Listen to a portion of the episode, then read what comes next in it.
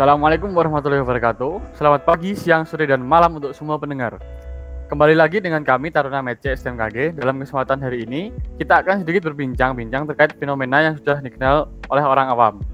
Di sini saya izin memperkenalkan diri. Nama saya Faiz dari kelas, kelas Mece NPT 11180070. Untuk diskusi kali ini, saya tidak hanya sendiri tapi juga ditemani oleh rekan atau keluarga kelas Mece yaitu Habib. Terima kasih Faiz. Uh, perkenalkan nama saya Nur Habib Muzaki, Meteorologi 7C NPT 11180077. Semoga para pendengar dalam keadaan sehat semua dan harus tetap bersemangat dalam aktivitas kita meskipun kita masih terhambat dengan adanya pandemi ini ya Is. Benar Bib, meskipun dalam keterbatasan, tapi itu tidak menghambat kita untuk membuat atau menghasilkan sesuatu yang bermanfaat. Oh iya, untuk diskusi pada hari ini, kita akan membahas terkait parameter konvektif untuk potensi thunderstorm atau badai petir. Mungkin Habib bisa menjelaskan secara umum apa itu thunderstorm. Case uh, untuk thunderstorm atau badai guntur adalah fenomena cuaca yang terjadi karena pelepasan muatan listrik dari awan cumulonimbus secara mendadak. Badai guntur muncul dari awan cumulonimbus, penyebabnya terbentuknya karena adanya udara yang sangat labil. Badai guntur merupakan badai yang ada di dalam terdiri dari kilat dan guntur. Secara umum gitu sih Is untuk pengertiannya. Tapi kalau menurutmu Is, uh, apa sih penyebab terjadinya thunderstorm ini? Uh, menurutku ya Bib, badai guntur terjadi akibat sirkulasi konvektif yang terdiri dari arus udara atas atau dan arus udara ke bawah. Dapat dilihat dari karakteristik karakteristiknya. Apabila pertumbuhan cepat dan di daerah yang tidak luas, maka gerakannya lambat terjadi hujan lokal lebat arus udara ke bawah kuat dan terjadi angin ribut, squall, lokal dan kemungkinan terjadi hujan es atau hail. Seperti itu, Bib.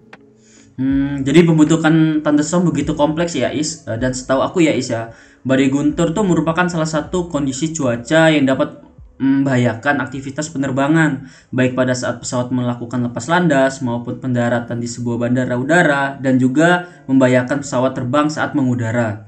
Pembentukan badai guntur pada awan cumulonimbus disertai dengan kondisi cuaca yang buruk, pembentukan kristal-kristal es, turbulensi, angin kencang, dan hujan lebat. Kondisi tersebut sangat berisiko bagi aktivitas penerbangan, sehingga untuk menguranginya dapat dilakukan dengan memprediksi potensi terjadinya badai guntur is. Nah, benar Bib. Beberapa kejadian memang sering dilaporkan ya, baik dari televisi sosial media, televisi sosial media dan med dan koran ketika terdapat awan cumulonimbus yang besar dan luas, kemudian ada thunderstorm, itu sangat berbahaya bagi penerbangan ya. Kalau tidak salah juga banyak pesawat yang mengalami kecelakaan ketika bertemu dengan CB atau ketika mereka ingin menghindar dari awan CB yang salah satu, satu kasusnya itu pada tahun 2015.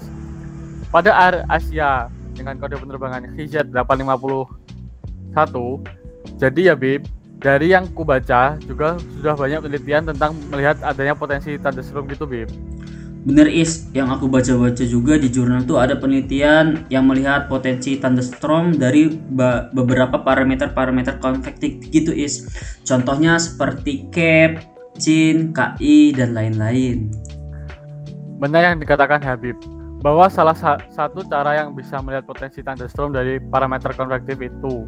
Dan itu merupakan salah satu dari penelitian kami tentang melihat potensi thunderstorm berdasarkan parameter konvektif CAP di Lampung ya Bib. Benar is, alasan kita melakukan penelitian itu akibat dampak dari thunderstorm terhadap dunia penerbangan ini kan cukup signifikan dan sangat berbahaya ya is ya. Sehingga memang dibutuhkan bagaimana cara melihat potensi thunderstorm di suatu wilayah.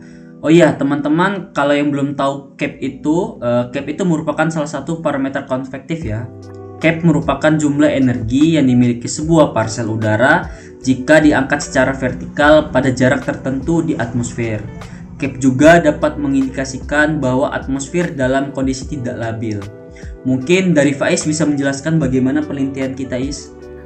Oke Bib, jadi kawan-kawan, penelitian kita terfokus di Lampung, terkhusus di Stasiun Meteorologi Raden Intan Lampung dengan mengambil kasus terjadinya periode di DJF, MAN, DJA, dan SON pada tahun 2020 dengan menggunakan data model ECMWF dan data sounding. Nilai akurasi CAPE dari data model HMF sebesar 0,774 sampai 0,977 dan data sounding sebesar 0,55 sampai dengan 0,793. Nilai bias CAPE dari data model HMWF sebesar 1,33 sampai dengan 3,23 dan data sounding sebesar 2,18 sampai 6,6. Nilai cap dari HMWF sedikit lebih akurat daripada data sounding dikarenakan data model HMWF memiliki resolusi temporal lebih tinggi yaitu 3 jam dan data sounding temporal resolusi temporalnya 12 jam. Hmm, oh gitu ya Is ya. Kemudian saya tambahkan ya Is, hasil dari penelitian ini juga menunjukkan bahwa thunderstorm itu sering terjadi pada bulan MAM, yaitu Maret, April, Mei, yang merupakan bulan-bulan peralihan di dari musim hujan menuju musim kemarau. Pada saat terjadinya thunderstorm, nilai cap dari data model HMWF itu kurang dari 1000 Joule per kilo dan dari data sounding nilai cap yaitu sekitar 1000 hingga 2500 Joule per kilo. Kalau kita lihat pada Sandy Sinop 95 menunjukkan tipe thunderstorm yang sesuai dengan nilai cap untuk rentang nilai dari data sounding 0 sampai 3388 joule per kilo dan data model HMWF 0 sampai 1834 joule per kilo yang menunjukkan uh, terjadinya potensi konvektif yang sedang hingga kuat sesuai dengan hasil pengamatan bahwa tipe TS atau thunderstorm ini pada sandi 95 paling banyak terjadi dalam waktu penelitian yaitu sebanyak 93 kali kejadian. Gitu is. Yap, benar Bib. Mungkin dari hasil penelitian ini bisa menjadikan warning di mana wilayah berpotensi terdapat thunderstorm dan juga kita bisa tahu bahwa pada periode MAM merupakan periode yang paling banyak terdapat kejadian thunderstorm di Lampung. Mungkin hal ini bisa menjadikan masukan untuk para penerbang atau pilot agar lebih waspada ketika memasuki periode Maret, April, Mei ya Bib. Bener Is, itu wajib dan harus tahu itu Is. Hmm, kompleks ya diskusi kita pada kesempatan hari ini ya Is ya dan semoga bisa bermanfaat untuk para pendengar dan juga bisa menambah ilmu terkait monitoring atau membuat warning terhadap potensi kejadiannya thunderstorm ini ya Is ya. Benar Bib. Sudah panjang lebar kita jelaskan ya Bib dari pengertian, proses terjadinya, akibat terjadinya, dampak yang ditimbulkan dan bagaimana cara untuk melihat potensinya thunderstorm ya Bib. Ya, mungkin itu saja yang bisa kami berdua sampaikan. Semoga dapat bermanfaat untuk semuanya. Terima kasih juga Habib yang sudah mau berbagi ilmunya ya Bib. Ya Is, terima kasih juga Is. Saya Faiz dan Habib mungkin pamit undur diri untuk diskusi kali ini. Terima kasih banyak yang sudah menonton. Tetap jaga kesehatan dan Wassalamualaikum warahmatullahi wabarakatuh.